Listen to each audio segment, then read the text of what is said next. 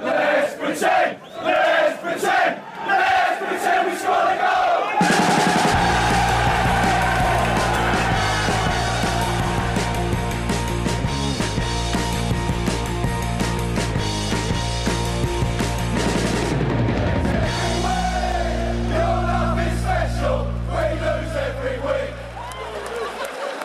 Hjärtligt välkomna hälsar vi då till Sportbladets Premier League-podd. Det är tisdag morgon här. Vi får se ifall vi är på tårna för en eh, full genomgång utav den eh, faktiskt färdigspelade omgången. Även om eh, alla FPL-spelare känner att det är en match kvar. Det är ju en hängmatch sedan tidigare. Eh, mellan, eh, se vilka är det nu? Det är Leeds och Southampton va? Eh, som ska spela imorgon. Eh, Eh, men vi har en full omgång bakom oss. Eh, Frida Makoto, det är med. Eh, vi skickar ett, podden får ju skicka ett litet publikt grattis till Kalle Karlsson också som har blivit pappa under de här, den här senaste veckan. Grattis till honom. Ehm, vi börjar, tänker jag, på Emirates i London och matchen mellan Arsenal och Manchester City. Ehm, ett, eh, ett City som liksom bara, som de gör, ångar på. Och det finns, det finns en grej med Manchester City när de är i den här formen och när de är inne i ett sånt här stim. Det är att de gör mål liksom inom tre minuter och sen känns det aldrig som att det blir någonting annat än en City-seger. Även om det som det i det här fallet slutar 1-0 så känns de liksom inte hotade efter de har gjort det där första målet. På något sätt. Eh, ja, alltså det, egentligen var det ju väldigt många tidiga mål den här helgen. Och eh, det är väl klart att det, det blir ju det målet som, som fäller Arsenal. Eh, problemet är väl att man aldrig riktigt vet hur Manchester City ska spela. Man har visserligen en formation på pappret men man har ingen aning om om spelarna kommer stanna i de positionerna, vilket de oftast inte gör. Och det var ju precis det som hände också i det här anfallet. Eftersom att De Bruyne nästan hade som en, en fri roll som ställde Teni helt, helt på, på vänsterkanten, vilket gjorde att han inte klev ut mot Mares. Eh, så att Ruben Diaz kunde bara skicka upp bollen till Mares.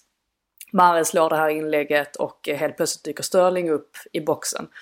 Och eh, det reparerade ju Arsenal omgående, även om skadan redan var skedd då, genom att eh, Xhaka fick liksom kliva ner och nästan, eller egentligen kliva nästan framför Tenny. Det är inte ofta man ser en mittfältare skydda vänsterbacken på det sättet. Men då fixade de faktiskt till det. Så jag tycker väl egentligen att, ska man summera den här matchen så jag tyckte Guardiola gjorde det bra själv där han menar att Manchester City gör 15 riktigt bra minuter och sen efter det så är Arsenal det bättre laget. Eh, det är klart att Arsenal eh, ja, de, de får ju aldrig in den här kvitteringen. Och det öppnar ju upp sig lite i andra halvlek också givetvis eftersom att det blir som att de hamnar, hamnar lite mittemellan. Att de vet om att de måste gå fram för att försöka finna en kvittering. Samtidigt så kan man ju inte lämna för mycket ytor bakom sig när man möter Manchester City för att det är livsfarligt. Eh, och ett annat problem som Arsenal också har och som man har sett i väldigt många matcher där de hamnar i underläge. Det är att de har så otroligt svårt att ta sig tillbaka, att få det här momentumet där de bara kan eh, ja, alltså växla upp eh, en sista nivå under den sista tredjedelen och få in det där målet. Att de har ofantligt svårt med det. Ett tydligt exempel var ju matchen mot Aston Villa till exempel där man också släpper in mål väldigt tidigt. Och sen lyckas man inte trots att man dominerar bollinnehavet så lyckas man aldrig få in, eh, få in något mål. Så jag tycker väl egentligen inte, alltså när man summerar matchen, jag tror inte att det var någon Arsenal-supporter som hade förväntat sig att de skulle vinna den här matchen med tanke på att City nu är uppe i 18 raka segrar och verkar fullkomligt alltså, ostoppbara. Eh, med det sagt så tror jag inte heller att de skäms över den här insatsen. City är helt enkelt på en nivå just nu som är eh, otroligt eh, hög. Och eh, det är nästan, jag vet att jag skrev det också, att det är nästan som att de kan läsa varandras tankar. De vet exakt var den ena spelaren kommer vara eh, så, alltså en annan konstig grej eller vad man säger. Det är att Stones helt plötsligt liksom klev ut på högerkanten när Cancelo försvann till, till ja, okänd destination. Han är ju överallt på planen. De vet hela tiden var de kan hitta varandra och eh, ja, det är väl allting man kan säga om dem nu egentligen. Det är, eh, de går bara från klarhet till klarhet och närmar sig ju världsrekordet också där i antalet raka segrar som är på 24 var det väl. Ehm, så att eh, ja, det är inte mycket att klaga på just nu, även om som sagt detta inte var deras mest övertygande seger. Men eh, Alltså jag tänker, jag håller med om att Arsenal stabiliserar sig upp liksom här och har väl inget att skämmas för egentligen. Men det är ju likväl, även om de möter City, så tycker jag det finns något oroväckande med. Absolut, de sätter försvaret efter att de lärde sig av misstaget där i början. Men det är ju så uddlöst framåt att man inte vet om man ska ta vägen. Och ja, jag sätter väl ändå, även om det är City man möter, även om det absolut inte finns någon skam i att förlora mot en Manchester City, så får det ju inte se så uddlöst ut som det gör framåt. Och sen, sen ska man ju också ge väldigt mycket credit till Stones Diaz försvaret där som ännu en gång ser helt ja, ointagliga ut helt enkelt. Helt, helt fantastiskt vad Ruben Diaz har gjort för det här försvaret när han har kommit in och hur han har höjt hela den där gruppen. Eh, utan tvekan tycker jag årets värvning hittills, Ruben Diaz. Men Nej, det finns ändå något oroväckande i hur lite Arsenal ändå skapar, hur otroligt långt bort de känns som att de är, även om det bara är 1-0 sett till offensiven. För de kraven tycker jag ändå man ska kunna ställa på Arsenal, även om det är City man möter.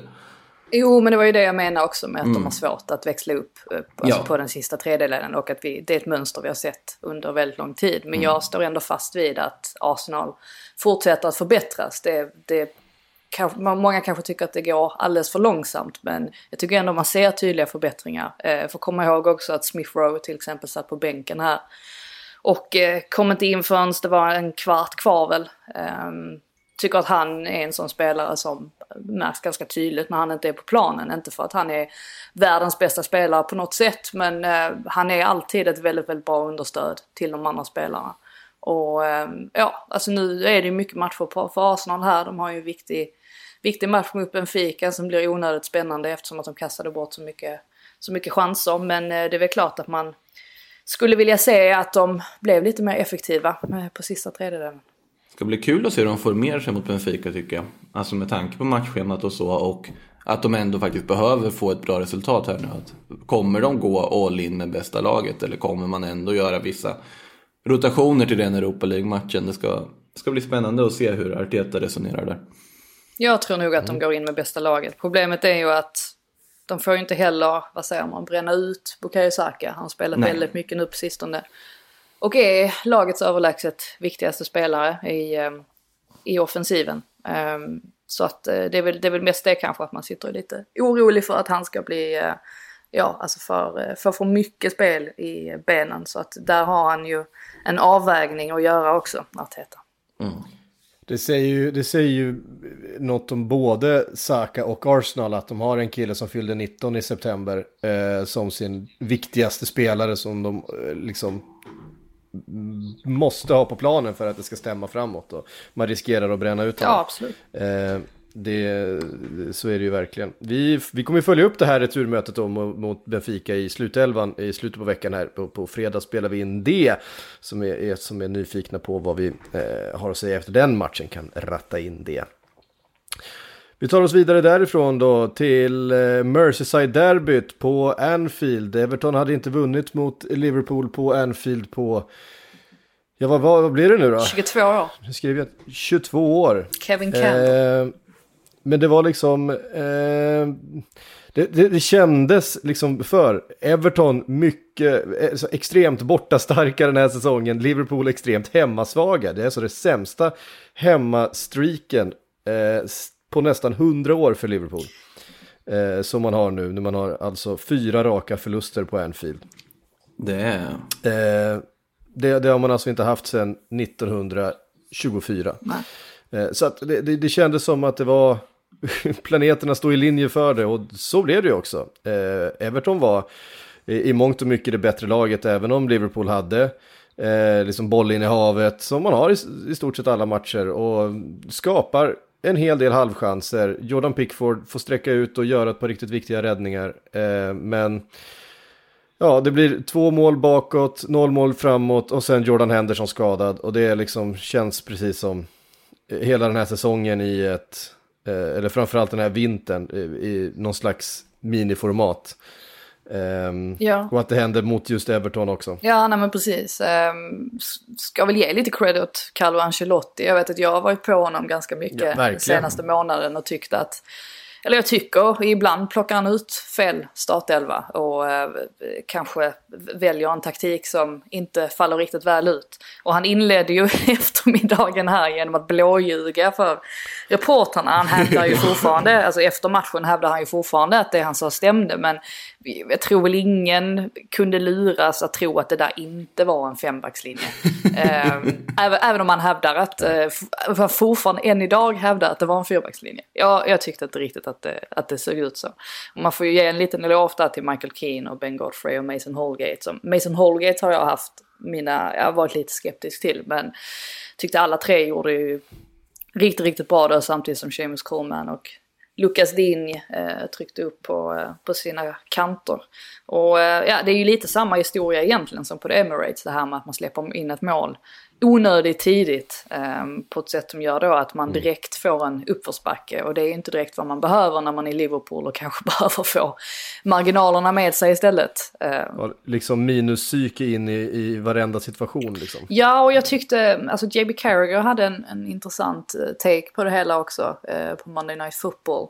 Han sa att, eh, nej men han menade på att eftersom att Everton kanske inte spelade med sina bästa spelare, alltså Dominic Calvert-Lewin och Alan satt ju på bänken eftersom att de hade varit lite skadade och sådär. Så hade Everton rätt mentalitet för en gångs skull i den här matchen. Um, alltså i, andra fall kanske det är så att de kliver ut och är alldeles för övertända och får någon spelare utvisad. Mm. Alternativt att de kliver ut på Anfield och är rädda och liksom har alldeles för mycket respekt. Här hade de ju faktiskt en, en precis lagom nivå av respekt kontra mm. eh, självförtroende. Att eh, de, de är väl medvetna om att de har ett, ett väldigt bra lag och särskilt när de spelar på det här lite mer tillbakadragna defensiva sättet som de gör efter målet så det passar dem väldigt bra också. Alltså de känner sig inte obekväma i de rollerna på något sätt. Och då i och med att, att Liverpool, nej men att de, de är där de är just nu mentalt. Jag tror att kändes som att skadan på Jordan Henderson gjorde mycket också. Alltså efter, efter, efter det så, så tycker jag att det känns som att Liverpool blir, blir liksom ännu, ännu blekare. Av naturliga skäl såklart. Han är ju mer än bara en, en spelare. Han är ju liksom ledaren på planen också. Ehm, så att det var ju mycket man saknade helt plötsligt och kanske inte känns... Plus att det är ett ganska, ett ganska stort dropp i kvalitet. Ja, jag tänkte precis säga att det är inte, det är inte ett helt... Um, det mest stabila mittbacksparet i Nat Phillips och uh, Kabak. Um, Kabak som egentligen inte har övertygat någon, tror jag. Han såg ju ganska stabil ut mot uh, RB Leipzig, men uh, det är väl kanske inte på den nivån än som många hade hoppats på. Uh, men vi får se, vi får väl ge honom lite mer, lite mer tid. Sen tycker jag också att Jordan Pickford ska hyllas. han är ofta utskälld och hånad i princip, men här gör han ju faktiskt ett par ordentliga räddningar. Och ja, det är väl särskilt då när, när Sala får ett jättefint läge att kvittera. Eh, så att han klev också fram. Så att ja, precis som du säger så kändes det som att stjärnorna stod verkligen rätt för Everton och när det 2-0 målet kommer där. Jag tycker ändå inte att det, det, det, det, blir ingen avgörande situation. Jag tror inte att Liverpool hade gjort mål i alla fall, även Nej. om den mm. inte hade kommit. Sen har det varit mycket diskussioner kring straffen. Alltså första gången jag såg den så tänkte jag, hur kan, hur kan det där bli straff? Alltså jag tror nog att de flesta som ehm, ja, men försöker ha en lite mer laid back stil till eh, den typen av eh, situationer i straffområdena. Kanske inte tycker att det är straff, men jag har inte sett en enda domare som, som eh, inte anser att det är straff. Så att um, jag antar väl att det är rätt utifrån regelboken. Men som sagt, det spelade ju faktiskt mindre roll för, för matchens utgång. Så en gigantisk seger för Everton får man säga. Det är 22 år, det är, det är en väldigt lång tid. Så att, ja. mm. Och om man ska komma ihåg att det är nio år sedan de vann ett derby överhuvudtaget. Ja, precis. Så att eh, um... han har ju skrivit in sig i historieböckerna nu i alla fall, Ancelotti. Sånt han gör, Carletto, ja. vet ni. Skriver in sig i historieböcker. Men jag måste ju fråga, hur är läget med Henderson nu? Läste ju lite att det var, är det bekräftat hur länge? Han skulle undersökas under måndagen. Jag tror inte att det har kommit något direkt besked efter, eh, efter det. Um, jag har inte sett heller, men det är bara att räkna med att han är borta resten av säsongen också. Ett par veckor har jag sett, uh, men det kanske blir resten av säsongen, vem vet. Ja, ja men att... Nej, jag vet jag, jag har inte sett något heller. Nej, men för där tänker man ju också att nu är det ju verkligen... Jag tycker ju att, eh, jag vet att du Frida sa att Ozan Kabba kanske inte varit riktigt som man väntat. Nej, det har varit vissa missar och sånt, men jag tycker ändå på något sätt att han... Man märker att det finns försvarsspelare i honom om vi säger så. Det finns en utvecklingspotential, det är en spelare du ändå kan sätta där och inte, inte behöva vara allt för förskräckt över att ha där. Naturligtvis att det blir med tanke på hur det går för Liverpool just nu så är det ju uppenbart att det blir den här kommunikationsmissen med Alisson i hans debut. Det är på något ja, sätt skrivet men, i stjärnorna. Men men det är inte, det är inte riktigt, det, var, det är inte som att sätta Ruben Diaz där. Alltså man hade nej, behövt nej, nej. en, en ledargestalt ja. i mittförsvaret. Det är ju inte riktigt Kabak just nu. Han kan säkert bli det, men han är så pass ung och har ju precis kommit dit. Alltså precis. Han, han, är, han är inte där riktigt än. Eh, och med Nat Phillips då som, alltså, det finns väl en anledning till att Phillips, att han har använts så sparsamt. Eh, trots att han ju faktiskt har Självklart. några flera års rutin. Så att det är ju inte, nej det är ingen ultimat situation och dessutom så hade man kanske tänkt att Ja, men när Fabinho väl var tillbaka så hade man ju haft en möjlighet att antingen flytta upp Henderson eller Fabinho eh, i, tillbaka till mittfältet mm. igen. Som kanske hade underlättat för Thiago så att han kanske har blivit lite mer bekväm eller ja, beroende på vem som än spelar i, på mittfältet. Men eh, så kommer det inte bli nu heller antagligen så att det är ju ytterligare ett bakslag då. Är det nu vi kommer få se Ben Davis vänsterfot som alla pratar om så mycket? snart. Ja, det, det är väl det... inte helt uh, omöjligt. Nu, nu börjar det ju bli dags. Jag vet ju inte om ja. det är Nat Phillips eller han som kommer vara liksom. Mm. Ben Davis han fick väl någon skada också där tidigt. Så att det ställer väl till det lite. Alla skadas mm. i, i, Liverpool. Det är bara att sätta sin fot på träningsplanen. Så uh, ja, så, så uh, landar man på skadelistan tydligen. Så är det. Um, vi uh, lämnade matchen och går vidare till uh, West Ham United 2 mot Tottenhams 1. Det var en purken Mourinho efter den här uh, matchen och det var ju, det var ju nära. Men det var ju inte ens, för, det, det var inte ens purken, det var ju nästan som att han liksom, vad säger man, handed in his resignation, alltså att han ja, lämnade in sitt avsked, att han kastade in handduken i princip. han var ju, det, det var ju nästan ja, men han inledde med att säga att han var ledsen och sen blev det bara värre och värre. Att det var så otrolig mörk energi kring honom. Men det kan man ju ja. kanske förstå då om man har beskådat ett sånt försvarsmisstag redan efter fem minuter och sen ytterligare ett direkt efter paus. Det, det är inte riktigt Mourinho-fotbollen när den är som, eh, mm. som bäst enligt honom. Sånt brukar han inte tolerera. Eh, och sen så är de ju nära att, att att eh, kvittera den här ledningen också. Och det, det, ja, men det studsar liksom inte mer om heller och då, då blir man såklart eh, lite putt. Sen har vi också sett att, att eh, eh, Mourinhos facit i Tottenham är ju inte bra. Eh, hans första 50 matcher ställdes mot Pochettinos sista 50. Och vi ser att liksom Pochettinos både målskillnaden och poängsnittet är liksom, det är liksom bättre under den perioden som får Pochettino sparkad än, eh, än Mourinhos första 50 här nu då. Så att, ja, alltså he hela problemet egentligen med Mourinhos fotboll är ju att alltså, han bygger ju alla sina lag bakifrån. Och, och så är det ju. Mm. Att defensiven är det absolut viktigaste, det är det man tränar på allra mest eh, på träningarna. Eh, det är det man fokuserar på. Och när den biten inte stämmer då, då finns det ju ingen möjlighet för någonting av det andra att stämma heller. Eh, alltså, det har kommit lite uppgifter om att spelare är lite missnöjda med det här, att det är så jäkla mycket eh, defensiva övningar och eh, att man mm. inte fokuserar alls på det offensiva spelet utan att hela spelidén går i princip ut på att skicka upp bollen till, eh, till Kane som skickar vidare den till Son eller tvärtom och sen så löser det sig. Och eh, det är väl det som man börjar se nu allt tydligare, eller har sett i alla fall sen det började gå ut för här. Jag tror de 12 senaste matcherna har de plockat 12 poäng, vilket ju är väldigt lite eh, får man säga. Och eh, det är ju ganska slående också där på det första målet att, att eh, de i princip bara slår av. Eh, det, ja men alltså Bowen slår i det här inlägget och det är ett jättefint inlägg mot Antonio men det, det blir ju väldigt enkelt. Och ehm, mm. jag kan väl kan väl lite grann hålla med Mourinho i det här att ja, alltså han har ju inte jättebra mittbackar att uh, välja bland. Så är det ju. Uh, han har försökt att skola om Eric Dyer till, till en, uh, ja, att bli den här ledargestalten i mittlåset och jag tycker att han stundtals, stundtals gör bra matcher men sett över en hel säsong så är det ju naturligtvis inte tillräckligt bra. Visst, han, han fick in Rodon, men det är väl kanske inte den mittbacken som ska komma in och, och förändra ett, ett helt försvar. Um, så att, ja, där har han kanske inte jättebra material att jobba med, men det innebär ju inte att resten av bitarna kan göras betydligt bättre. Uh, men det är ju det som är problemet med honom, att han, han är inte den typen av tränare. Sen får man ju säga om West Ham också att det är ju egentligen fantastiskt vad vad David Moyes har gjort och håller på att göra också. Alltså, I mina ögon så är han ju säsongens tränare. Eh, med tanke på ja, att, utan tvekan, ja, med tanke på att han var så uträknad eh, i förra säsongen. Och eh, så kikar man också på laget så eh, Alltså det är ett bra, det är ett, det är ett bra lag. Ehm, det kanske inte var så att man, man satt och tänkte det för ett år sedan, att det här är en jättebra startelva. Men dels så har han ju alltså utvecklat vissa spelare, eh, tagit upp dem på en nivå som man kanske inte trodde att de hade i sig. Jag tänker på en sån som Bowen som, som kom från de lite lägre divisionerna och eh, har akklimatiserat sig bra. Tycker att han har blivit mycket vassare på den sista tredjedelen jämfört med inledningsvis på säsongen.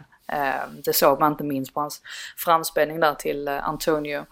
Och eh, sen har han ju ett inomhittfält som är, alltså med Declan Rice och Thomas Susek. Jag tror inte att det är många lag i, i ligan som hade tackat nej till, till att ha de två spelarna där. Mm, alltså både att de är så fantastiskt duktiga defensivt men också liksom box-till-box spelare att de kan bidra med poäng framåt.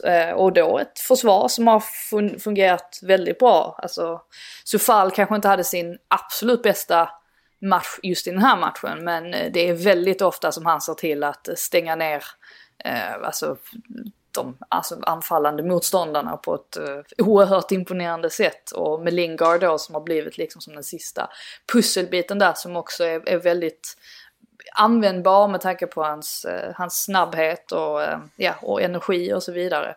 Eh, ja, men det, det, det, är ett bra lag så att eh, tycker verkligen att han, de förtjänar att vara där uppe. Sen får vi se hur länge de orkar hänga på också för att det är ju ingen jättebred trupp eh, och vi vet ju om att det Helt plötsligt kan energin tryta, det såg vi på Leicester eh, förra året. Men eh, än så länge så, eh, ja, så bör han verkligen hyllas. Så jag gillade den här också. Alltså Jamie Redknapp hade den här Eh, diskussionen i Sky att eh, det kan vara så att West Ham är ett av de lagen som har gynnats av att inte ha publik på läktarna eftersom att vi ju mycket väl vet att de senaste åren, eller egentligen alltid, så har det inte alltid varit lätt för, för West Ham-spelarna eftersom att West Ham-supportrarna alltid har oerhört höga krav på klubben och, och, och sådär. Och nu har de ju istället fått eh, ja, men jobba i lugn och ro bakom kulisserna och fått ja, nej men, nöta sitt eget spel eh, på något sätt. Och det kanske också har hjälpt. Jag tyckte att det var en väldigt intressant eh, tanke i alla fall. Eh, hur som helst så håller det på att bli en, en väldigt lyckad eh, säsong för dem. Håller ja, man, helt... Eh, man kommer ihåg hur, hur, hur tongångarna gick inför den här säsongen också. Att man hade eh, släppt Diangana, man hade eh, inte liksom värvat eh, tillräckligt. Eh, Mark Noble gick ut på Twitter. Precis, det var väldigt, eh, det var, det var väldigt eh, liksom sådär, det var lite gnällig stämning. Och eh, så ska man jämföra just med Mourinho så tycker jag väl att, att det Moyes har gjort är ju faktiskt det som Mourinho brukar, ja, men brukar vara så framgångsrik med. Eh, han har tagit de spelarna som faktiskt fungerar bäst i ett liksom ramstarkt, tryggt lag som är oerhört svårt att slå. Med en, med en tydlig referenspunkt längst fram som kommer vara svår att möta, som kommer ställa liksom, jättemånga liksom, frågor rent fysiskt till, till motståndarna. Och sen inte då liksom eh, påverkas av någon stjärnglans kanske från spelare utan jag menar vi såg tidigare förra säsongen han, han, han petade Haller till exempel och han har eh, lämnat Jarmolenko på, på bänken och så vidare och spelat med andra spelare och, och fått ihop ett kollektiv som, som verkligen drar åt samma håll. Eh, det som Mourinho under, liksom, framförallt kanske första halvan av hans karriär var så otroligt bra på. Eh, det är precis det han har lyckats med. Och så nu då fått in Jesse Lingard, fingertoppskänsla, verkligen liksom spelartyp som, som kunde tillföra någonting till det här laget. Eh, Eh, det är otroligt imponerande. Vi kanske får plocka fram den här gamla eh, banderollen, David Moyes is a football genius, och sen då liksom plock, plocka bort det där ironiska filtret runt och bara, bara ställa oss i, i, hyllnings, eh, i hyllningskören mer än istället. Ja, det, fi, det finns... säga- Ja. Nej, jag tänkte bara att vi får säga någonting om, om Tottenham också kanske med... Alltså Gareth Bale kommer in där efter, efter paus i den andra halvleken och eh, tycker faktiskt att eh, han börjar se rätt, eh, rätt så sharp ut ändå. Det verkar som att det går åt rätt håll i alla fall och det är ju en sån grej som Tottenham hade mått väldigt bra av att få honom tillbaka i någon sorts halvbra form i alla fall. Eh, det, det verkar som att det går åt rätt håll, så mycket kan man säga. Ja, Jag tänkte på samma sak där, att alltså Bale, Bales inhopp ändå har ju det där rungande, klassiska Bale-skottet på något sätt där i ribban och slår ju assisten också till reduceringen, börjar se pigg ut. Men just där av Mourinho också med, det är ju otroligt uppenbart på något sätt att han i princip sen Real Madrid-tiden har blivit en tränare som, precis som du var inne på Frida, att alltså han sätter försvaret. Nu har han inte ens lyckats göra det i Tottenham. Men sen också offensivt, det är ju bara, det enda han gör är att förlita sig på individuella kvaliteter. I Real Madrid så funkade de här sylvassa kontringarna på att ha det Cristiano Ronaldo, ja, vad heter det, Karim Benzema, Di Maria. Alltså du hade spe, spelare som kunde hantera det, som kunde öppna och kunde liksom hitta varandra utan att ha några direkta taktiska direktiv på vad de ska göra. I United så det, den offensiven funkade ju väldigt sällan också kanske för att han inte riktigt heller satte försvaret 100% eller hade den individuella kvaliteten för att luckra upp saker och spela på det sättet han vill. I Tottenham har det ju funkat när Harry Kane och Hyun Min Son har varit på humör. Men när försvaret inte funkar, ja då, då blir det liksom ingenting som funkar för du har inte den individuella kvaliteten för att det ska kunna bli mål under en Mourinho-fotboll. Och med det i åtanke så är det ju otroligt efterlängtat och viktigt att få igång Gareth Bale som man egentligen har räknat ut. Men om man då tar två matcher där, Wolfsberger och West Ham, så ser den ju piggare ut i alla fall. Ja, eh, verkligen. Och det, det är ju liksom... Eh, eh, det är ju inte bara liksom en, en tillfällig formtopp som vi ser från, från West Ham nu. Nu ligger de ju rent på fjärde plats. Alltså inte på samma poäng som någon annan, inte liksom någon målskillnad, utan de, de ligger eh, med 45 poäng på fjärde plats, eh, två poäng före Chelsea. Ska sägas att de har Manchester City här i nästa omgång. Det har de absolut. Ehm, men det är det fler som har. Ganska tufft. kvar, kvar, kvar att möta. Ja, men ganska tufft schema där med, med City, Leeds, United, tror att det är Arsenal sen. Ja, det är väl inte så... Kanske... Ja, Det ska bli jätteintressant att se hur de tar sig an det alltså. Med tanke på hur, hur det har sett ut. Eh, nej, men eh, det är svårt att inte imponera så det finns något vackert i att det är med David Moyes och Jesse Lingard som det här tidigare väldigt ofta utskrattade West Ham gör där de gör. Det känns som att det, det finns något poetiskt i att det är just med ett gäng utskrattade tränare och spelare som det utskrattade laget gör någon, bara slår alla på fingrarna. Ja, men, ja, men det här med, med, med liksom med förutsättningar och med lite, lite tid och förtroende. Alltså, vi ska komma ihåg att vi, man såg ju nästan på Moyes som en tränare som var slut.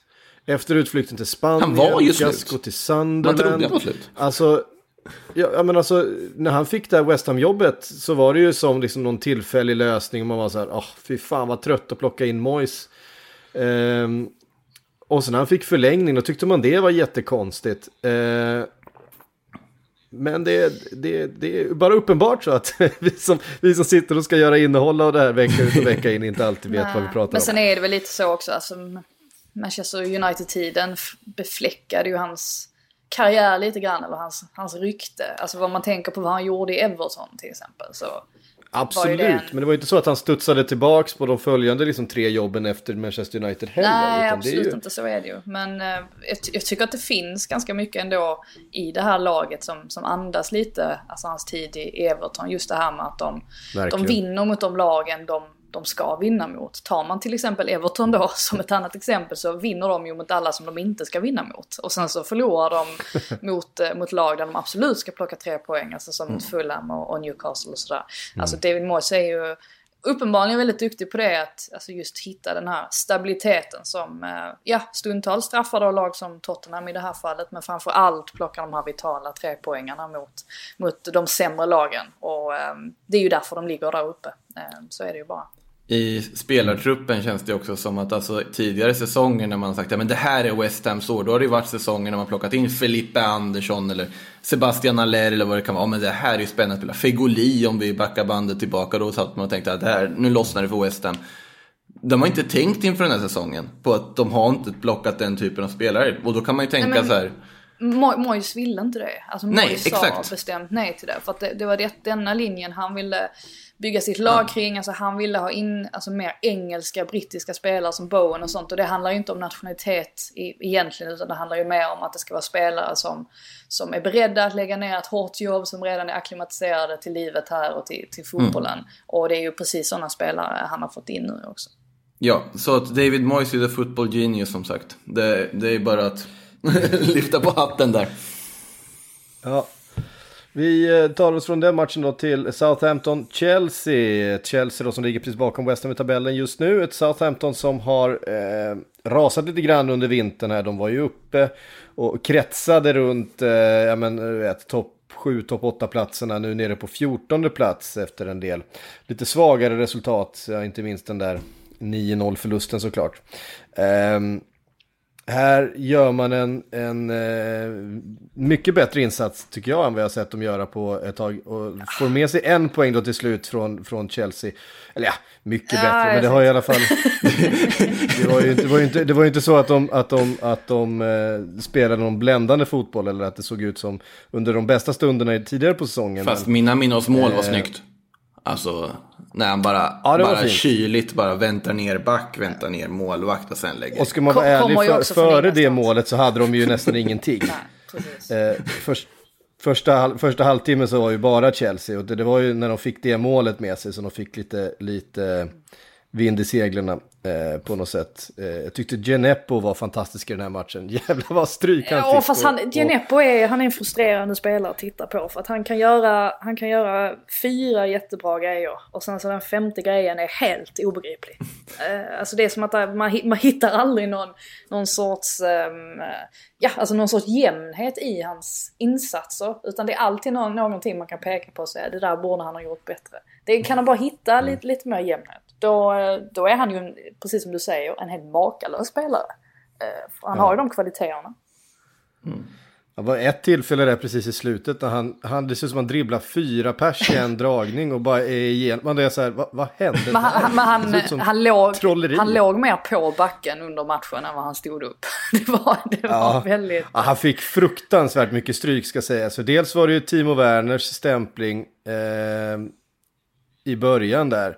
Eh, som ju faktiskt var inte, så att säga, att Timo Werner blev ju fälld. Så att han, han trillade ju in i, i eh, Geneppo. Och sen var det, vem det nu, ja det var Kanté nästa gång som satte, satte eh, dobbarna rakt in i benet på honom. Så att han fick ju, han fick många, eh, många tuffa tacklingar på sig. Men Ja. det, är roligt, det är roligt att se honom spela fotboll. Ja men precis. Um, om man pratar lite om, om Chelsea då så har ju det här blivit en match som ehm, Ja, där det har gått från att vara väldigt, väldigt harmoniskt under Tuchel till att helt plötsligt blåsa upp, eh, ja, alltså lite kritik från supporterbasen och eh, inte minst då att det var en del snackisar som skedde under och efter match. Um, kan ju börja med det här att, att Chelsea ser ju ut lite som de alltid gör i det här med att um, alltså de har mycket boll under precis då fram till eh, Minaminos eh, mål där. De kommer upp till, till den sista tredjedelen men väl där så så fallerar det. Alltså man hittar ingen slutprodukt. Och det är ju någonting som vi har sett, inte bara under Tuchel utan Lampard hade samma typ av problem egentligen. Och eh, var lite förvånande att Tammy Abraham startade i den här matchen. Han gick ju ut skadad senast mot Newcastle som man tänkte sig kanske att Giroud skulle starta. Kan kanske visa eller peka på att Giroud kommer starta mot Atletico, jag vet inte. Eh, hur som helst så blev ju, eh, Abraham var ju, han var ju väldigt anonym. Och blir ju också utbytt efter paus mot Hudson Odoi och det kändes ju som eh, rätt beslut ändå. Och Hudson Odoi kommer in och sen så får man med sig den här straffen som Mason Mount skjuter in eftersom att Jorginho inte är på planen. Eh, Mason Mount som för övrigt fortsätter vara den spelare som konsekvent gör bäst insatser i, i Chelsea. Det är, ehm, jag vet det har pratats mycket om att, eh, att han är en framtida kapten men det blir ju bara mer och mer självklart att det faktiskt är så. Och eh, med den bakgrunden han har i Chelsea så känns det ju som ett givet alternativ i, i framtiden.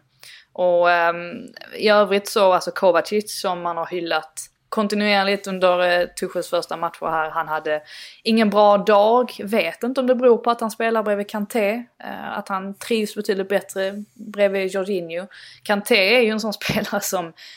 Eh, han är ju lite svår ändå för att under den första halvleken så gör han det ju bra. Han kanske är den som står ut eh, mest om man tänker sig som en spelare som, som vinner rätt mycket bollar och sådär. Men han är inte speciellt effektiv att ha om, om du Ja, alltså om du tänker dig att du liksom ska försöka bryta ner ett ganska lågt stående lag till exempel. Alltså det är inte, det är inte han som, han kommer inte ge dig poängen som behövs och Kovacic är kanske inte heller den som kommer ge dig poängen men han transporterar i alla fall upp bollen till mm. offensiv planhalva. De har inte speciellt många spelare som gör poäng. Och det är, det är ju trots att det är därför de har de här problemen också ju. Att det är, Eh, jag tror alltså Jorginho, han är ju nästan uppe som bäst målskytt men alltså majoriteten av allt, alltså det är ju straffar som han har satt.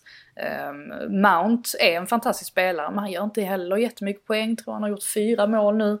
Eller någonting sånt. Eh, Werner kan man ju uppenbarligen inte heller förlita sig på, alltså vad gäller målskyttet på det viset. Alltså han är väldigt duktig på att jobba fram möjligheter återigen men, man kanske inte den som heller har slutprodukten. Så att det är ju någonting de, de verkligen ehm, de verkligen lider av. Och sen sker ju det här som har blivit den stora snackisen att Tuchel bestämmer sig för att plocka av Hudson Odoi igen i 76 minuten. Och Hudson Odoi reagerar ju inte jättebra eh, på det här såklart och ser ju otroligt besviken ut och sparkar väl iväg någonting också eh, när han kliver av.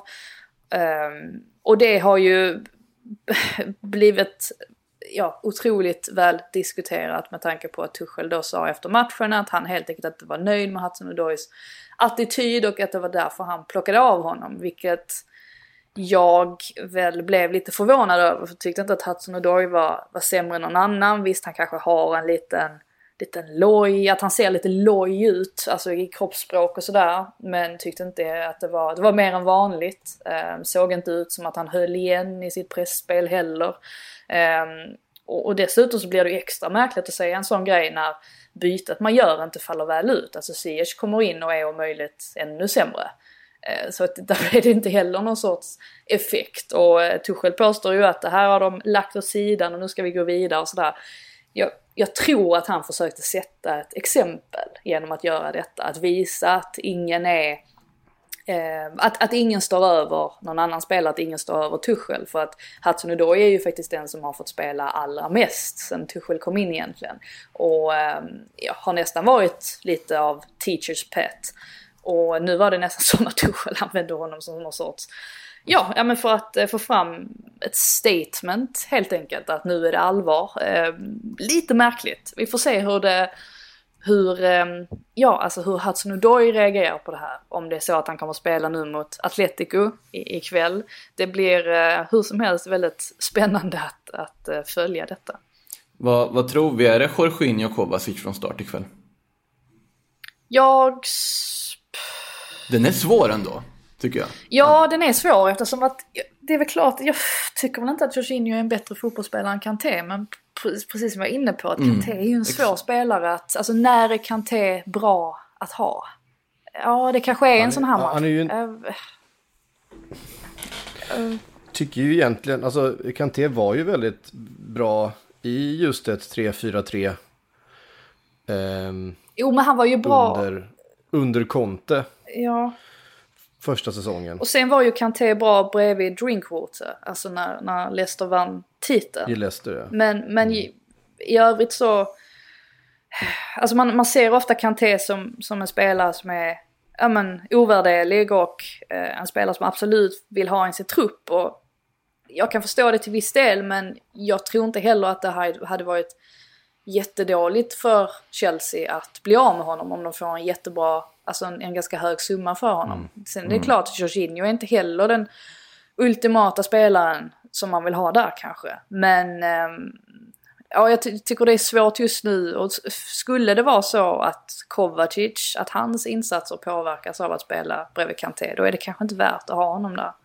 Eh, Men det, det är ju en svår balansgång och det är väl det Tuchel också försöker lista ut nu antagligen. Mm. Ja. Um, vi pratade om eh, topp 4 innan här med West Ham som eh, eh, ligger där på eh, fjärde plats. På tredje plats hittar vi Leicester som tog tre nya poäng då borta mot Aston Villa. Eh, mål av James Madison och Harvey Barnes. De har eh, liksom eh, lite grann un- som under den där succé, succé eh, titelsäsongen. Några spelare som på något sätt liksom kliver fram varje match. Eh, eh, spelar på en lite högre nivå på, på något sätt. Eh, är garanten för, för eh, framgången hela tiden. Eh, Harvey Barnes och James Madison är definitivt två av dem. Ja, ska väl, ska vi kanske börja med att, att säga att eh, som, som alla såg så saknades ju Jack Grealish i, i startelvan. Och det har ju blivit ett ordentligt efterspel här eftersom att eh, halva laget hade ju Grealish i sin eh, fantasy 11 och eh, plockade ut honom då eh, såklart eh, eftersom att de visste att han inte skulle spela. Så att redan på fredag kväll eftersom att det var Wolves Leeds då så kunde ju folk säga att hmm, här är det liksom ana ugglor i mossen och insåg att Grealish är nog skadad här och det fick ju Leicester också nys om. Vilket gjorde att de slängde om helt i, i sin taktik och uppställning och, och tänkte om. Eftersom att saknas Grealish, det är ju, ja men då saknas ju 40% av Aston Villa i princip. Eh, Så Dean Smith var inte glad efter eh, den här matchen. Så att nu har faktiskt eh, Aston Villa förbjudit sina spelare från att använda sig av fantasy. De får inte spela FPL då. Ja, Ja, det har ju hänt i, hänt i fler fall också. Jag vet att Andy Robertson plockade ut Mané till exempel inför någon runda och då insåg folk att då kommer nog inte Mané spela. Så att det, det har inte varit, ja, det, det har inte varit särskilt lyckat så tillvida om man vill hålla sina startelvor hemliga. Sen tycker jag att alltså, Leicester är ju eller Brendan Rodgers framförallt, är ju finurlig alltså. Det är, mm, varenda gång han saknar spelare på grund av skador så hittar han ett sätt att, ehm, att ställa upp laget på som funkar väldigt bra. Och eh, antingen är det att Pereira kliver över på fel kant så att säga, som han gjorde mot eh, Liverpool, eh, som han är ju en tillräckligt bra spelare för att klara av. Eller som i det här fallet att han faktiskt spelar framför Kastang på högerkanten. Eh, det visar bara att, att eh, Rogers, trots att han har en trupp som är ganska så eh, tunn ändå och de har haft problem med väldigt mycket skador, så hittar han alltid ett sätt att formera laget på. Och det är ju därför de ligger där uppe också, ihop då med att Harvey Barnes börjar också bli lite vassare på, på sista tredjedelen. Madison gör betydligt fler poäng nu än vad han gjorde tidigare, vilket gör att då har man inte all den här pressen på att allting ska gå genom Vardy. Eh, så nej, det är... Ehm, det är väldigt, väldigt imponerande av Leicester med, med tanke på alltså, alla motgångar som de också har haft, eh, liksom andra lag. Eh, och ja, nu ligger de ju där bra med. Eh, visserligen 10 poäng efter City, men det är ju lika många poäng i alla fall som Manchester United. Det är verkligen en dröm att, ha fått tillbaka en sån spelare och, och att han visar att han fortfarande håller efter den här långtidsskadan. En spelare som man vet kan leverera oavsett hur du lägger honom på planen och kommer göra nytta för laget. Och det verkligen måste ju vara underbart för Brennan Rogers att tänka att ah, jag har Pereira tillgänglig igen nu. Att det, det gör nog otroligt mycket. Och sen ska man väl lyfta också, vi pratade ju om Zuzek Rice förut som ett av Premier Leagues bästa innermittfältspar. Det är nog inga som har tackat nej till Juri Thielemans och Wilfred Ndidi som två sittande heller. Det, Nej, alltså jag, jag tänker lite på det att alltså, när jag tänker på Manchester United exempelvis, kommer komma in mer på dem senare. Eh, Alltså om jag tänker på alternativen de har där med Fred, Scott McTominay, eh, Nemanja Matic. Jag hade ju alltså, alla dagar i veckan antingen tagit Rice eller Susek, eh, alternativt Didi och Thielemans framför dem. verkligen. Och det säger ju ganska mycket ändå. Ja, han är, han är fenomenal en Didi alltså. Eh, vilken smart fotbollsspelare det är. Eh, vi har också eh, liksom en shoutout till, till Luke Thomas som kommer in 19 år på vänsterbacken och Jag vet inte hur mycket ytterbackar de, det har liksom producerats och cirkulerats i Leicester de senaste två säsongerna. Men, men eh, det känns ju inte som någon gör en dålig match någonsin. Nej, nej men verkligen inte. Och, och Luke Thomas var ju en, en, eh, en person, jag tror att jag lyfte honom när jag liksom sammanställde talanger att hålla koll på som möjligtvis skulle få chansen. Mm. Och um, ja, alltså det är äh, jag tror i och för sig jag hade James Justin där ja, men att Luke Thomas också nämndes. Uh, nej men det är precis som du säger att det, det dyker upp spelare överallt och ihop dem med att de alltid har en väldigt, eller har haft de senaste åren, en väldigt förnuftig rekryteringsprocess. Det gör ju att man, man ser ju resultatet utav det väldigt, väldigt tydligt. Ihop dem med att de faktiskt har haft en förmåga att släppa spelare i rätt lägen också hela tiden. Alltså förutom då Kanté som de väl gärna hade velat behålla lite längre än vad de fick göra. De fick väl inte så mycket mm. ut av det kanske som de, hade, som de hade önskat. Men efter det så har de ju verkligen stramat åt det och menar, säljer Maguire för de pengarna och liksom ersätter honom med spelare som är betydligt billigare. Eh, och kanske i många fall bättre också. Eh, det, nej, det är väldigt imponerande det, det Leicester har gjort och det är ju anledningen som sagt till att de ligger där uppe. Kommer det nog kosta att värva en Didi eller Thielemans till, eh, till sommaren i alla fall? Ja.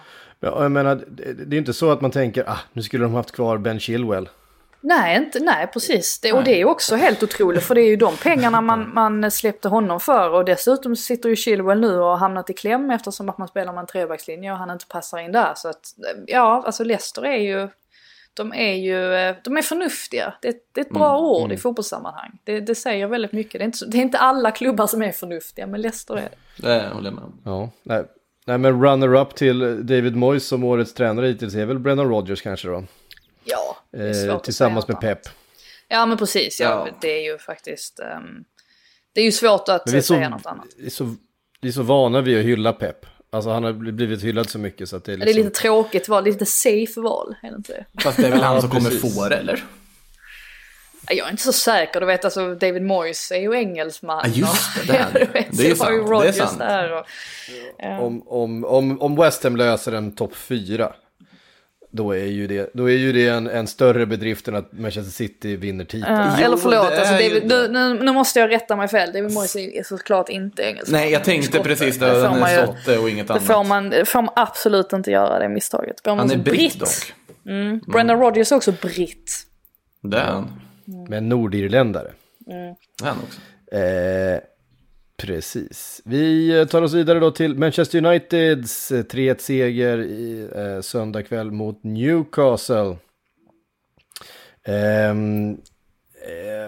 ja, vad ska man säga om den här matchen? Eh, Alain Saint-Maximin tillbaks, börjar, börjar se pigg ut nu igen efter sin eh, långa, sitt långa problem med covid ju som han eh, drog på sig i eh, i höstas och hållit honom utanför spel. Det är väl hans tredje match tillbaks nu och eh, med i målprotokollet. Jättefint såg, mål också. Såg pigg och fin ut. Ja, alltså jättefint mål och även bra i flera andra lägen. Eh, Emil Kraft hade det rätt jobbigt mot Marcus Rashford. Det, det börjar bli en eh, vana nu. Alltså, det var ingen, ingen kul vecka för honom totalt sett. Nej. Att först möta Chelsea och sen Manchester United. Det, ja. Alltså, alltså när man, han först blir överspelad av Rashford, jobbar sig tillbaks, hamnar på rätt sida och sen blir gjord igen liksom. Ja. Det är ju, det är, alltså han blir ju, han blir ju lite, lite förnedrad av Rashford. Där. Det är fint mål, det ehm, får man ju. Jättevackert det är ett jättefint mål. Många fina mål. Och det är ju en, en jätteduktig fotbollsspelare såklart, i Marcus Rashford, som kan göra sådär mot, mot även, mot även eh, ännu bättre ytterbackar än Emil Kraft. Men det känns ju ändå just eftersom han, han tog sig tillbaks in i, in i situationen och, och var på rätt sida och så för att bara bli gjord igen.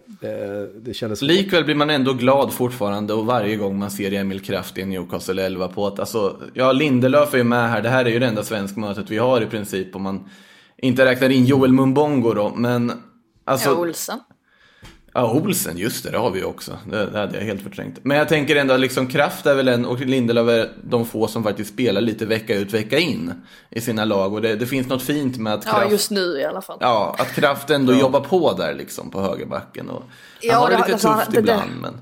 Det har ju blivit så, han är ju inte första valet, så är det ju bara. Utan det är ju för att Mankio nu senast eh, har blivit skadad och det är ju det som gör att han får spela. Det är väldigt tydligt att han inte är Steve Bruce första val. Eh, han kan vara det när de spelar fyrbackslinje. Det är ju där mm. han, han passar in. Men rätt ofta så vill ju Steve Bruce spela en trebackslinje. Framförallt då när, när Fabian Schär också är skadefri. Och, och då är inte Kraft eh, första mm. valet. Eh, och precis som jag var inne på förra avsnittet så, så är han ju, är ju Steve Bruce på Kraft väldigt, väldigt mycket. Eh, just det här att, ja, vill väl ha honom påslagen hela tiden. Men ja, som sagt han har inte fått möta helt enkla motståndare nu den senaste veckan heller mm. stackaren. Men tog sig ändå framåt i planen lite grann i den här matchen. Eh, var ju med uppe och, och, och hade ett helt okej eh, läge att spela in eh, bollen. Eh, ja, som alltså det har ju, visserligen inte blev något. Nej, och det har ju varit hans, eh, hans svaghet egentligen. För att alltså, här mm. i England så är det ju väldigt mycket det där att eh, som ytterback så, så måste du kunna gå framåt. Och tyckte att i, i början, alltså, tror jag var på Krafts debutmatch också till och med. Eh, och då var det ett problem som, som lyftes också att, att eh, han inte hängde med upp tillräckligt mycket. Eh, så att det är ju positivt att se att han eh, kanske har förbättrat den, det området av, i sitt spel. Och kanske också är någonting som han förhoppningsvis kan ta med sig till, eh, till landslaget. Kan man tänka sig. Mm. Mm. Ja, ehm, men eh, ingen... Ingen supervälspelad match egentligen. Det blir ju Manchester United som, som är det bättre laget. Målet av Daniel James också. Det var väl skönt mm. för honom att få Eh, ja det var ju jämnt ju fram tills, fram tills det målet var det ju jämnt. Mm. Eh, ja. Tycker man ju ändå. Sen, sen är det klart så får ju de de två målen och då är det, då är det game over. Men eh, det var ju inte ja. som att det här är Manchester Uniteds mest välspelade match.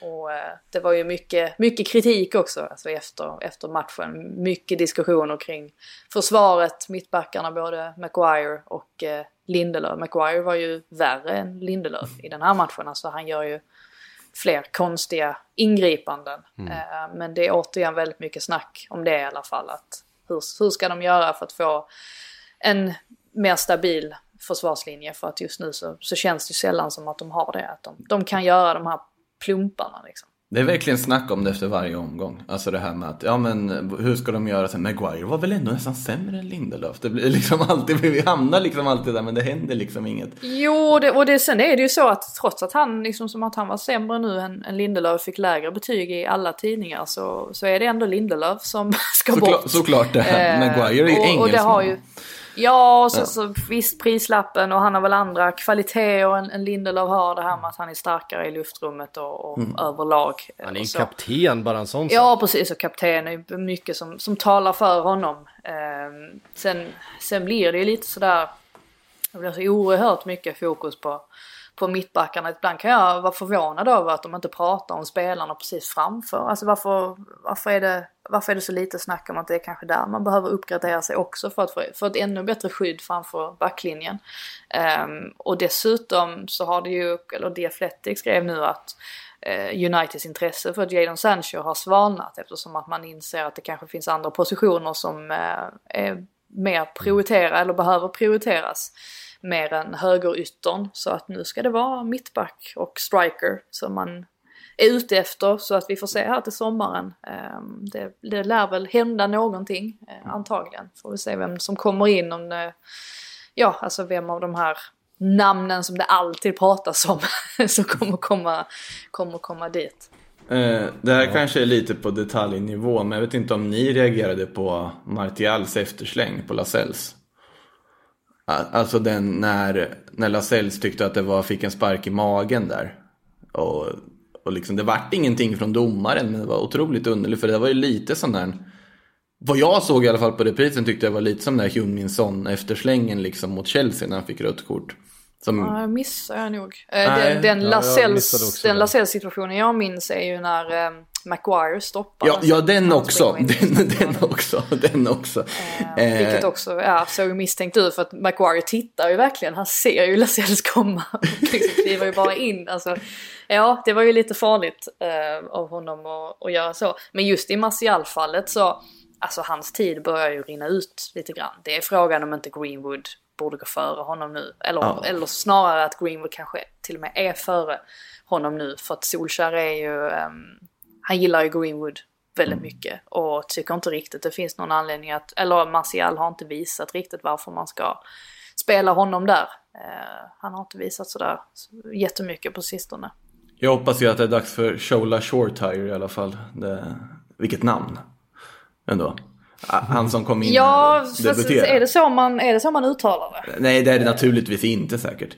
Eh, Jag har hört, eh, hört olika... eh, De Vad- vad är hade din take? diskussion om det. Du som De hade en ändå sitter- diskussion om det på, på radio också till och med. Eh, där de försökte, för vissa säger, ja men precis, alltså short tire har man hört. Men att det tydligen ska uttalas, jag tror det är Shoray Tire. Shoray Shoray. Tire? Nej. Ja, jo riktigt? att det är liksom att det, det är liksom ett A-Y-ljud där i mitten. Eh, Shoray Så att, eh. Shoray Tire. Ja, vi får, vi får, eh, vi får Ja, men Shaw om låter det. ju mycket... Alltså det beror ju på om det är ett brittiskt namn i grunden. Ska tilläggas. Eh, ja, oavsett, kul för honom att få göra debut. Oavsett hur den uttalas.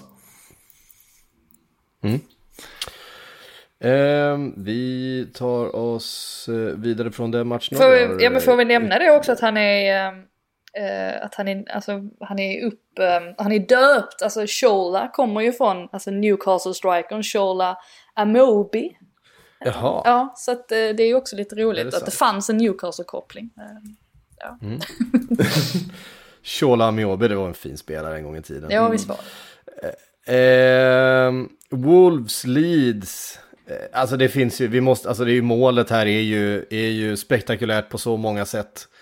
Eh, han han eh, har kanske inte varit sitt, eh, sitt allra bästa eh, jag, Adama Traoré den här säsongen. Men eh, bara drivet, skottet, liksom kryssribban och sen på, i ryggen på Meslier. Eh, ja, Självmål. det, ja, det är bara, det, det, det var ett kul mål. Får- Eh, inte, så kul för, inte så kul för Leeds. Nej, precis. Får väl ändå, eh, alltså Nuno som sagt fortfarande väldigt pressad, ser inte alltid jättevackert ut när Wolves spelar fotboll. Men han har ju gjort en taktisk förändring här som faktiskt har gett utdelningen och uppenbarligen gjorde det mot Leeds. Det här med att han har bytt kant på Traoré och, eh, och Neto. De spelar ju bara, Neto spelar ju vanligtvis till vänster och Traoré till, till höger. Men, eh, nej precis, skiftat kant på dem och det, det ser ju faktiskt lite bättre ut nu, får man säga. Vad tycker ni om den självmålsregeln? Att det räknas som ett självmål i pappret. Taskigt. Ja men visst är det det? Visst är det det? Nej, men alltså, nej, men alltså det är väl många självmål som är som hårda som man inte kan, kan liksom hjälpa på något sätt att det studsar på en och in. Men jag menar det blir ju inte mål om inte den studsar i ryggen på Meslier. Men kan man inte Så jag sätta något krav på att det ändå måste, ja, i och för sig att det måste ingå en annan spelares touch eller något sånt där. Att om den går i ribban och ryggen på en målvakt. Ja, men Ja, jag vet, det blir Alltså, svårt oavsett. Ta ni denna men- diskussionen. uh, alltså jag vet inte. Jag, jag, jag, jag tycker nog en, alltså, eh, det kan nog vara mål själv. Det är som att jag nyligen fick reda på att det kan bli mål i hockey även om pucken inte gått in över mållinjen. Ja, alltså så här, när, tydligen när det är öppen kasse och du blir stoppad i ett sånt läge där du bara ska lägga in pucken i öppet mål. Eh, ni får, jag kan inte exakt alla detaljer här men liksom grundprincipen att du- det blir mål. När du har öppen kasse, när någon tar ut målvakten och du blir nedtacklad. Så kan domaren döma mål för att pucken inte har gått in över mål. Det är jag för. Är du för det? Tycker det? jag, det, tycker jag, det, det tycker jag fotbollen ska införa Ja, men jag tycker det bryter Eh, mot alla alltså, former av... Alltså, Suarez hands i VM till exempel. Eh, det tycker jag ska dömas mål och rött kort. nej, jag, tycker inte det ska vara, jag tycker inte det ska vara mål på att jag ty- tycker det finns en grundprincip i att en boll eller puck måste ta sig över mållinjen och faktiskt vistas i målet för att det ska vara ett mål. Men det finns en konservativ tanke där kanske också. Eh, jag blev helt förskräckt när jag hörde det i alla fall. Men jag kan vara helt ensam ute i den här båten också. Bara, bara en passus. Ehm, eh, vi går vidare till, till, till Fulham, eh, Sheffield United, eh, 1-0 till Fulham.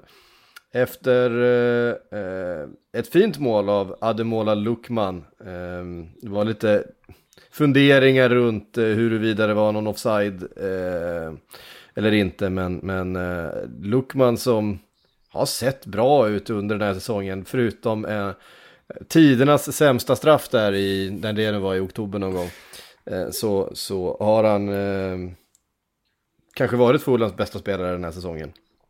Och ett Fulham som nu kan börja titta uppåt i tabellen.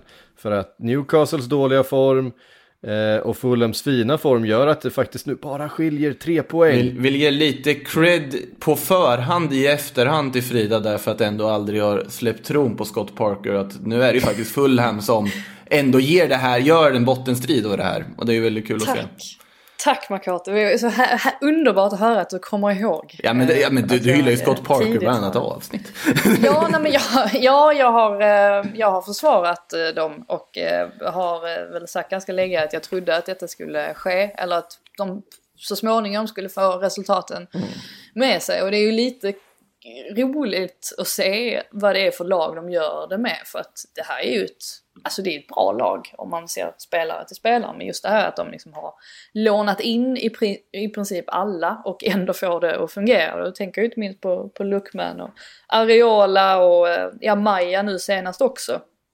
Eh, nej, men har fått, fått ihop en, en väldigt bra startelva ändå och eh, Scott Parker har ju också lyckats få dem att, att spela på sitt sätt. Det här med att de gillar att de alltid har ett ganska högt passningstempo. De hade ju lite problem där i ett tag, alltså särskilt när eh, eh Cavaliero spelade, att de brände alldeles för mycket framför mål som ju många andra lag också har problem med. Men nu verkar det ju som att de ja, men har kommit igång tillräckligt i alla fall för att få tre poängare med sig. Och precis som ni är inne på så eh, nu är det inte många poäng upp till eh, Newcastle där. Så att det, det lär bli en spännande uppslutning här. Värt att notera också att det är fyra av fem namn i försvaret som har namn som börjar på A. Det, det är väldigt sällan man ser ändå. Inklusive målvakt också. Ja men det var det, men jag inkluderade mål Ariola där och sen okej. Adare Biojo och Andersen och Aina. Det, inte ofta Det var. Robinson som förstörde där Anthony! på vänsterkant. Mm, Där har för vi det. ja. Ehm, Också ett väldigt fint centralt eh, mittfältspar där med Angissa och Reed. Eh, ska, Verkligen. ska sägas också. Och Ruben Loftus-Cheek ehm, har vi ju liksom eh, väntat lite grann på. Ska mm, ta någon slags kliv. Kommer nog inte bli i Chelsea-tröjan efter mycket om och men. Kanske blir det i Fulham-tröjan. Som han, eh, om de räddar kvar ett nytt kontrakt här och, och kanske han kan lyfta. För han har ju varit väldigt, väldigt bra. Eh, där. En match eh, som vi inte har pratat om än, det är Brighton Crystal Palace eh, från igår. Det behöver vi inte prata om. Eh, Alltså hur, hur, ja, vi, har inte, vi har inte nämnt Burnley West Bromwich 0-0 heller, men f- ja, det, vad finns alltså, det det att säga? finnas, får, finnas, får finnas någon gräns alltså. Ja, Eh, eh, Brighton Crystal Palace, eh, ett mål mot två. Det är, eh, Brighton är också indragna i den där slut, eh, eller bottenstriden som Fulham har bjudit upp till. Eh, Mateta i målprotokollet, eh, det eh, lär Roy Hodgson var ganska nöjd med. Ja, det var inget Palace-mål. Eh, alltså om man ser till Nej. de- deras senaste matcher utan Zaha här så förväntade man sig inte att han skulle trolla in bollen på, på det sättet. Läste någonstans att om det var att Crystal Palace hade haft tre eller fyra avslut på mål mot Brighton sett över två matcher. Det var nog tre till och med för de var inte, jag minns den här matchen, alltså när de möttes på Sellers Park och eh, det var ju då när Batshuayi liksom ja, föll ju på egen hand i straffområdet eh, efter att Lamptey hade väl varit uppe lite grann i ryggen på honom kanske. Och eh, sen så därefter så backade de ju hem totalt och så fick ju Brighton in kvitteringen i, i slutet där till 1-1. Men ja, det kan nog stämma att de har haft tre, tre avslut på mål. Eh, och eh, Brighton hade väl i den här matchen, inte så många avslut på mål, men däremot eh, utanför mål så var det ju en hel del. 25-3. 25 skott. Mm, 25-3 i skott och 13-0 i hörner till Brighton. Och det blir ju periodiskt. eh, Ja, det, nästan. det, det, De kan inte göra mål, de kan inte göra mål. Visst, Fältman får till ett. Och sen så blir de ju så hårt straffade. Ja, man tycker i- så synd om sista- dem. Sista som händer när Benteke trycker in den volleyn. av alla människor. Av, av alla människor som inte kan göra mål så gör ändå Benteke Ja, I mål. 90 plus 5. Det, det, det. ja, det, det, jag håller med, det är parodiskt alltså. Att, eh, att vad bra. Och då, man undrar ju ännu mer när man ser sådana här matcher. Vad hade Graham Potter kunnat göra med en bra forward? Alltså det, 75% bollinnehav för Brighton. Mm. De hade ju behövt, eh, jag hade tyckt att det vore lite kul att se en sån som Ollie Watkins i eh, Ja, verkligen. Jag tror att han hade Eh, jag tror att han har smält in rätt så bra. Olly Watkins är väldigt duktig på att eh, liksom, samarbeta med eh, alla övriga spelare. Jag tror att han hade kunnat lyfta dem möjligtvis. Gett dem lite, lite bättre lägen och sådär. Ja, i och för sig, behöver inte bättre lägen. De, de får redan det, men de ser inte målen då. Eh, ah, nu är de inblandade trots att de har haft en, en sån himla fin period nu så är de ju fortfarande inblandade där i, i nedflyttningsstriden. Mm. Så att det är ingen, ingen lugn stund för dem. Nej, och, ja, men de behöver ha en annan striker än Neil Mopé i alla fall. Och Danny Welbeck eh, kanske att, inte heller är svaret. Nej. Tyvärr.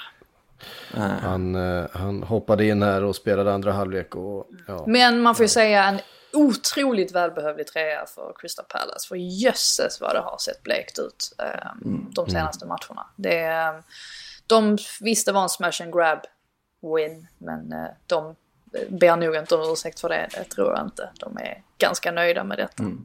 Roy Hodgson is a football genius kan vi säga också efter det här. Mm. Ja, jo. um, uh, vi uh, går vidare, ska svara på lite frågor innan vi knyter ihop här för idag. Uh, vi har fått en, uh, ja, Jimmy Eriksson undrar, en rimlig ersättare till Mourinho ifall han får lämna. Eh, det var ju som du var inne på, nästan så att han lämnade in sin avskedsansökan där. Eh, mm. Frågan är ifall det finns något bra alternativ. Alltså problemet är väl att det är för dyrt att göra sig av med honom tror jag. Eh, så ja. just därför tror jag inte att det kommer hända. Men ett drömnamn som ju själv har öppnat för det är ju Julian Nagelsmann. Som, han, han flörtar jämt och ständigt med Premier League och tycker ändå att jag vet att vi har ju sagt hans namn i flera år egentligen. Men ja. han hade fortfarande passat väldigt bra in i, i Tottenham, det tror jag. Mm. Um, det är många som är inne på det. Um, Hans Sjölinder skriver så här, apropå Klopp. Som Dortmund-fan känner jag igen det här. När vi fått framgångar så var det som alla i laget fick nog av honom. Är det samma som händer i Liverpool nu? Nej, det skulle jag absolut inte, inte säga faktiskt. Ehm, jag tror Jörgen Klopp är en väldigt populär figur både hos supportrar och, och i ledningen och bland spelarna eh, dessutom.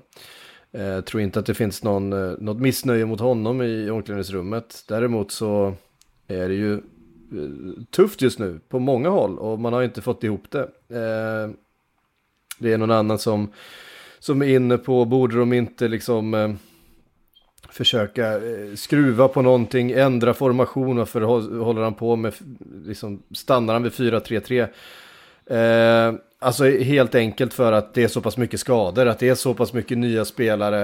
Eh, att för de spelarna som ändå spelar, framförallt för fronttrion som ju nästan eh, snart är de enda, ja ytterbackarna som är de enda ordinarie spelarna kvar på, sin, på sina positioner. Eh, så tror jag att man gör sig själv en otjänst om man dessutom ska börja skruva på, på formationen. Eh, jag tror att det är tillräckligt mycket nya nya direktiv och, och, nya förutsättningar för att man ska eh, in, in och peta på det. Men hade inte ett 4-2-3-1, mm, hade inte det kanske varit en bra idé? Ja, jag tror, eh, och det har de ju spelat. Jag tror att tanken var att, att röra sig med ett 4-2-3-1. Ja. Och det har ju varit fram och tillbaka under de senaste två säsongerna faktiskt. Sen, sen eh, Peppi Linders kom in som, som assisterande så har de ju laborerat ganska mycket med 4-2-3. Ja, känns inte men... som att Thiago hade passat lite bättre i det också. Men det är väl det som är tanken jo, som sagt. men då måste de, det, jag tror att eh, han litar inte på Thiago i en 4-2-3-1 utan antingen Henderson nej, eller Fabinho Nej, precis, det var ju det vi var inne på Fabin innan också. Fabinho plus eh, en ganska högt stående eh, backlinje som han kan lita på. Det, det är ju det som är liksom det, hela korthuset faller om du plockar ut det, det nedersta kortet. På något och de sätt. kan ju inte stå högt med backlinjen nu. Nu måste de ju de, gå tillbaka. De kan inte stå, så att nu måste de ner och de måste liksom leva på de här omställningarna. Eh, samtidigt så får de inte de här lägena därför att det är ingen som riktigt tillåter Liverpool att spela på det sättet som hade passat dem bäst just nu.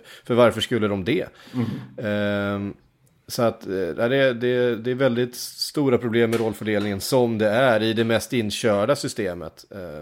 Nej, jag håller med dig. Eh. Det är inte läge att... Alltså, men det var ju uppenbart att Klopp ville göra någon förändring inför den här säsongen. Men som det har utvecklat sig så är det inte läge för det nu. Då är det ju snarare Alltså slicka såren, försöka att överleva den här våren och nå en Champions League-plats på ett eller annat sätt.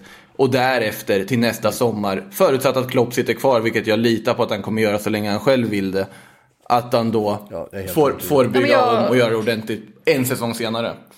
Ja, men jag tänker mest att um, alltså Diogo Jota är ju tillbaka nu.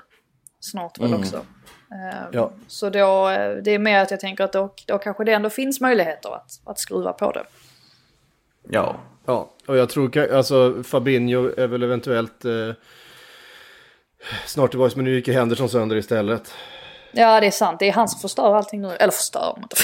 Eh, Ja, det är ju han det, som... är ju skador som, som hela tiden gör att det... eh, Eh, ja, vi får se. Och de, de har ju förändrat på, på en massa positioner, även om, även om det fortfarande står 4-3-3 så har ju olika roller vart de liksom befinner sig och beroende på vem som spelar sådär såklart skruvats massor på. Eftersom det är olika spelartyper.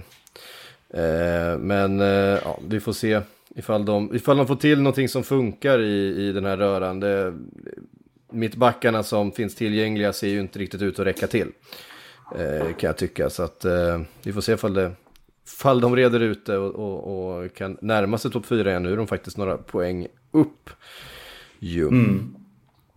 Ehm, eh, Rickard Rönnklint, när ska Brighton köpa någon som kan göra mål? Ja, de kan inte göra det nu för nu är fönstret stängt så det blir ju sommar i sådana Ja, fall. problemet är ju att de, det krävs en, en hel del pengar för att plocka in en, en striker som man vet Mm. om garanterar eh, liksom 20 mål per säsong. Det är inte så lätt att, att hitta dem om man är en klubb som Brighton. Och där måste man ju ha lite tur, bara lite flyt. Eh, när man väljer. Och det har inte Brighton haft på är inte just... Daniel Sturridge fortfarande klubblös? På free transfer. Får man inte plocka en sån? Jo, men, Ja, men det problemet är... Det, hur mycket plats man har i sitt, i, i sitt rehab, i sitt rehabrum. Ja, det känns ju lite, det är lite mycket Welbeck om en sån värvning ändå på något sätt. Alltså jag förstår grejen med att han, han kanske har mer att ge, alltså, men det måste ju finnas en anledning till att han inte spelar fotboll just nu, tänker jag. Ja, nej, hans kropp håller inte. Ja, alltså, Daniel Sturridge är en, en enormt mycket bättre fotbollsspelare än, än Danny Welbeck, men hans kropp klarar inte av Mm. fotboll. På den Lägger vi Diego. Costa Den- i den samma fack? Den går bara sönder liksom. Ja, in med Diego Costa i det här gänget. Till Brighton. Ja, ja. Mm. Varför inte? Ja, det vart något ändå. Ja, det, det varit kul. Ja, men någon, någon anledning måste han väl ha att han inte har hittat en klubben. Fast nu, eh, nu pratar vi mest om Sao Paulo, Brasilien och så vidare och Saudiarabien och allt möjligt. Så att, nej, tvek Jag kanske. tror att han, han också vill ha lite cash innan han, eh, innan han lägger av. Nej, men de får, de får sälja Ben White i sommar till Liverpool. Och sen eh, så kan de få cash till en strike. Till Diego Inte Costa. Bissomar istället. Ja, Bissoma också, men eh, vi behöver ju en, en, en mittback. Ja, vi behöver en mittback. Jag ska sälja rakt. Ja. Ehm, ja, nu ska vi se här. Eh, jo, vi får det här, vi avrundar med den här frågan för jag tycker det är roligt. Eh, Kristoffer undrar, det här med att ligga ner bakom muren, vem drev igenom det? Det är intressant, jag hade en diskussion om detta eh, för någon vecka sedan. Eh, och vi pratade om det att, eh, att det är ju en ny företeelse under den här säsongen. Och det är ju nästan som att, du vet, en började göra det och sen så eh, hängde bara alla andra klubbar på på något sätt. Eller andra, alla andra lag. Det, det mest intressanta med detta tycker jag är liksom vem blir den som lägger sig ner? Jo det är ju oftast den spelaren som är kortast såklart eftersom att han fyller ingen funktion egentligen eh, i att stå upp. Eh, men det är lite kul ändå för det är ett ganska otacksamt yrke eller otacksam roll. Alltså stackars Bejerin och Sinchenko, det är de jag kommer att tänka på främst när jag tänker på vilka som lägger sig ner bakom muren. Men de, de tillåter ju sig själv släpas runt också när de liksom ska justera deras positioner. Det var ju en underbar bild på Ruben Diaz när han liksom upp släpade fram Sinchenko. Ja. Det är ingen otacksam, eh, otacksam roll att ha tycker jag. Men det, det andas väldigt mycket säsongen 2020-2021 Men, för men, mig i alla men, fall. men när var senast någon, alltså nu tänker jag så på gammal Ronaldinho frispark, men när var senast någon faktiskt medvetet la frisparken under muren på det här gamla goda sättet som man gjorde i början av 2000-talet? Det var ju länge sedan man såg folk göra det. Ja, Coutinho har gjort det vid tre tillfällen. Eh, ett i, när han var utlånad till Espanyol. Eh, och två gånger i Liverpool.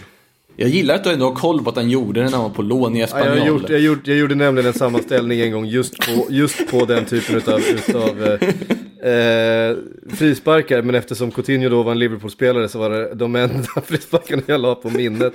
Eftersom jag, jag, eh, Det var en fin lånesession i Espanjolen då, måste man säga. Ja. Det var tider. Ja, hörde ni. Eh, vi får se vem som lägger sig bakom muren eh, under veckan här. Vi kanske får ta upp det som ämne i slutelvan på, på fredag också. Eh, eh missa inte det, för då pratar vi Champions League och Europa League. Eh, men från Sportbladets Premier League-podd säger vi återhörande och eh, vi är tillbaka om en vecka igen.